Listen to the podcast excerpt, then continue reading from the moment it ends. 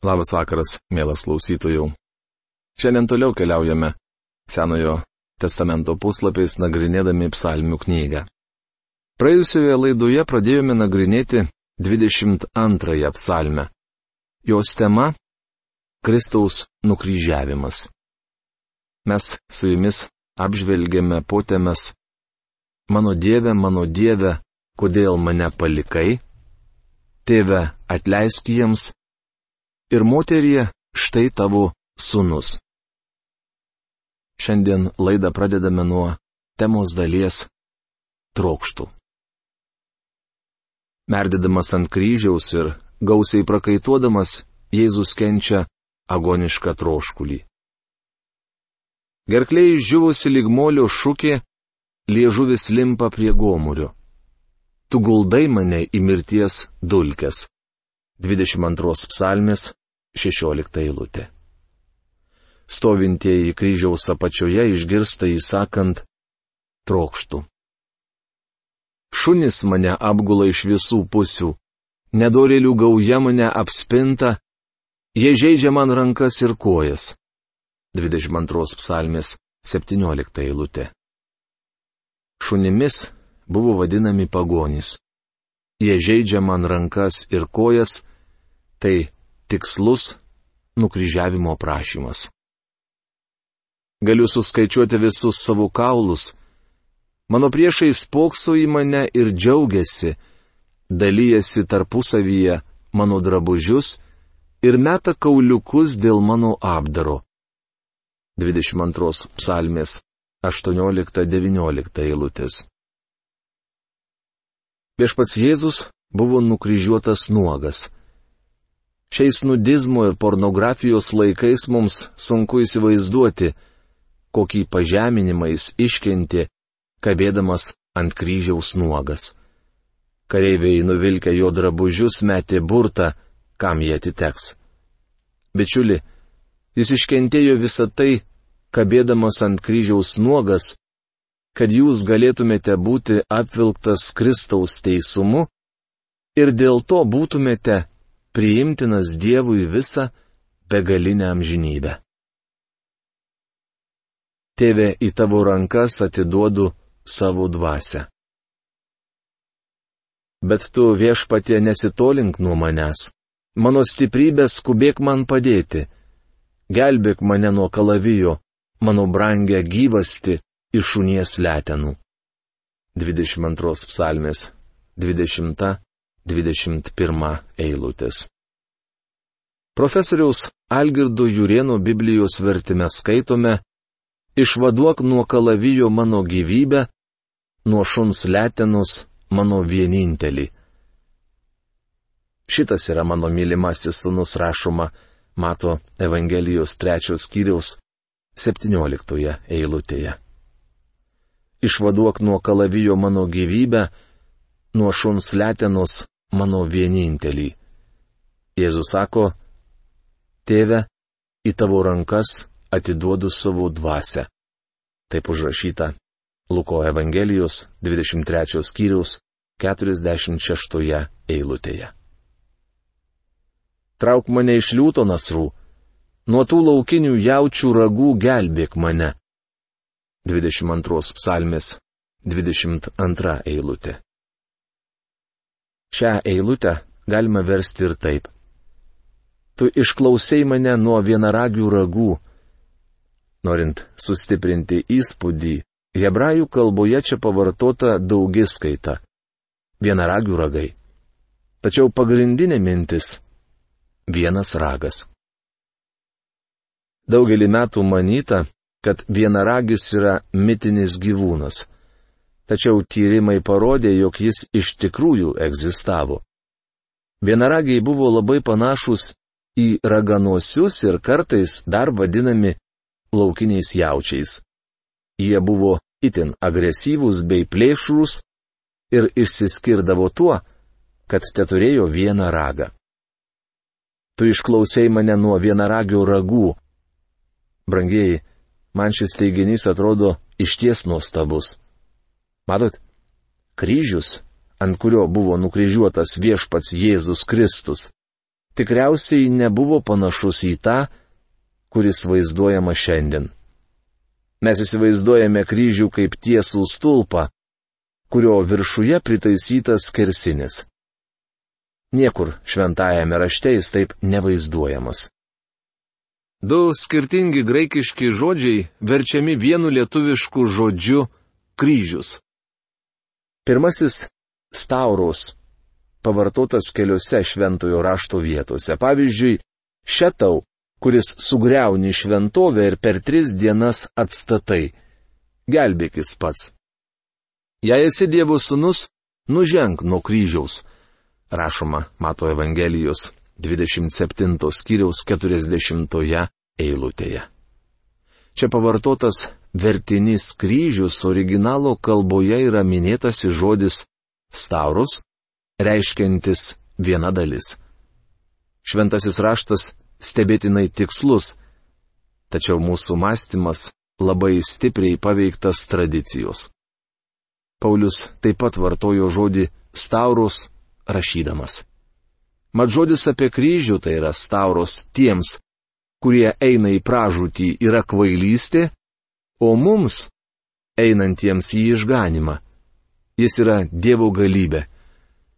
Rašoma pirmame laiške korintiečiams, pirmame skyriuje, 18 eilutėje.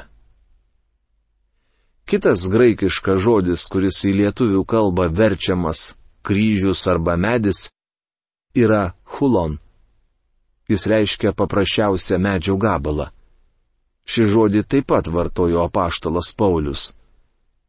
Išpildę visą, kas buvo apie jį parašyta, jie nuėmė jį nuo medžio, tai yra hulon, ir paguldė į kapą.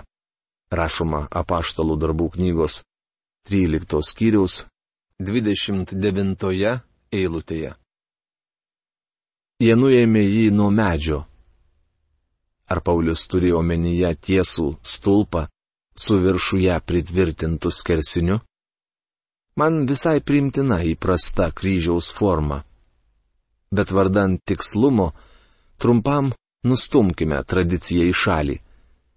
Taip mes geriau pamatysime, kokia tiksli ši psalmi. Jėzus sakė, tu išklausai mane nuo vienaragių ragų, tai yra kryžiaus. Tėve, į tavo rankas atiduodu savo dvasę. Prašoma Luko Evangelijos 23 skyriaus 46 eilutėje. Dar mane stebina tai, kad žodis hulon, kuris verčiamas medis arba kryžius, 22 apreiškimo knygos skyriuje apibūdina gyvybės medį. Manau, tas medis ant kurio numirė Jėzus, bus gyvas visą amžinybę, kad mes su jumis žinotume, kokią didelę kainą jis sumokėjo mus atpirkdamas. Prieję 23 šios psalmės eilutę matome radikalų pasikeitimą. Iki šiol buvo aprašomi Kristaus kentėjimai. Dabar regime būsimąją šlovę. Tada aš skelbsiu tavo vardą broliams ir seserims, šlovinsiu tave jų sueigose. 22 psalmis, 23 eilutė. Manau, kabėdamas ant kryžiaus, Jėzus pacitavo visą šią psalmę. Jis mirė nenugalėtas. Mat pačioje pabaigoje pasakė, tai Evangelija, kuri bus liudijama visur aš skelbsiu tavo vardą broliams. Bematant man prieš akis iškyla Petras. Stovėdamas prieš Sinedrioną, fariziejų, sadukėjų viduryje, jis sako, Nėra niekame kitame išgelbėjimu, nes neduota žmonėms po dangumi kito vardo, kuriuo galėtume būti išgelbėti. Taip užrašyta apaštalų darbų knygos ketvirtos skyriaus 12 eilutėje. Aš skelbsiu tavo vardą broliams. Šiandien su manimi būsi rojuje. Iš tavęs kyla mano šlovės giesmė didžiojoje sueigoje. ką tau pažadėjau, vykdysiu tarp tavęs pagarbiai bijančių. Vargšai valgys kiek norės ir bus sotus, šlovins viešpati jo ieškantieji. Te atsigauna jų širdys amžinai. 22 psalmės 26-27 eilutės. Greta ant kryžiaus kabėjęs piktadarys prašė. Jėzau, prisimink mane, kai ateisi į savo karalystę. Rašoma Luko Evangelijos 23 skyriaus 42 eilutėje. Kristus sako, kad tau pažadėjau vykdysiu. Šiandien su manimi būsi rojuje. To pačio skyriaus 43 eilutė. Atpirktieji išlovins viešpati tenai, o su jais ir piktadarys, kuris tądien kabėjo greta Jėzaus. Nors pagal Romos standartus šis žmogus buvo net nevertas gyventi žemėje, Savo mirtimi ant kryžiaus Kristus padaro jį vertą dangaus. Atlikta. Tai septintoji ir paskutinioji Jėzaus ištarmė nuo kryžiaus. Apie viešpatį bus pasakojama būsimai kartai. Jo teisūs darbai skelbiami dar negimusiai tautai. 22 psalmės 31 eilutė. Profesoriaus Algirdo Jurieno Biblijos vertime ši eilutė skamba taip. Ir jie skelbs jo išgelbėjimą dar gimsenčiai tautai, kad jis tai padarė. Dar gimsenčiai tautai čia kalbama ir apie jūs bičiuli jie skelbs jo išgelbėjimą arba, kaip verčia kostas burbulys, teisumą. Ne jūsų teisumą, bet jo. Mat Dievas sako, kad mūsų teisumas jo akise yra tarsi nešvarūs karmalai. Kaip jie skelbs jo teisumą?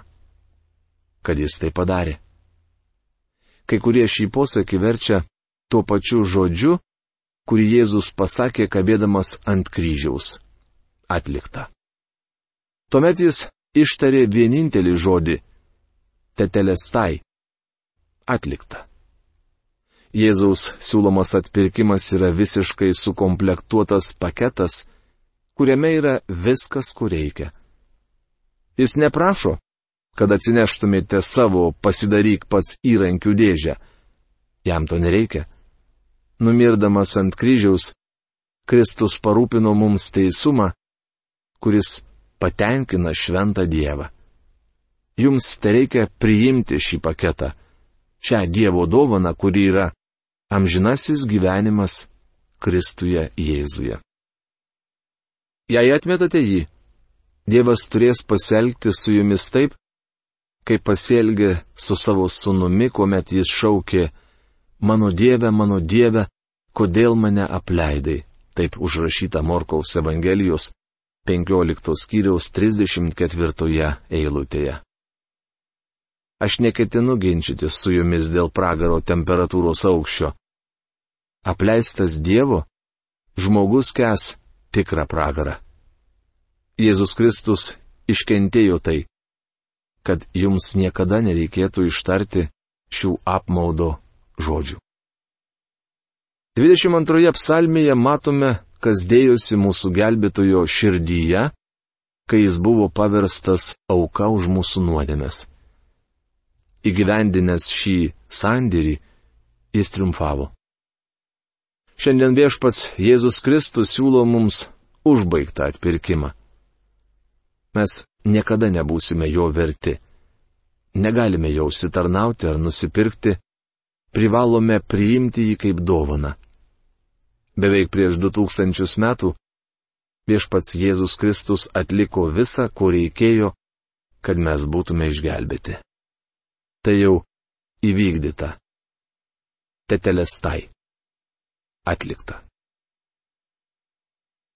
23 psalmi. Tema. Kristus didysis ganytojas. Populiarioji 23 psalmė būtų bereikšmė, jei nebūtų 22 psalmės. Iš tikrųjų, 22, 23 ir 24 psalmino skyriai sudaro vadinamąją ganytojiškų psalmių trilogiją arba triptiką. Jose piešiamas mūsų viešpaties paveikslas.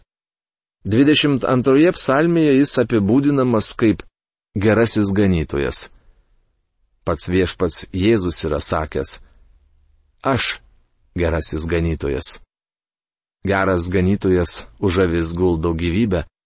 Taip užrašyta Jono Evangelijos 10 skyriaus 11 eilutėje. 23 psalmėje matome jį kaip didįjį ganytoją. Atkreipkite dėmesį, kaip naudojamas šis titulas palaiminime, užrašytame laiško hebrajams pabaigoje.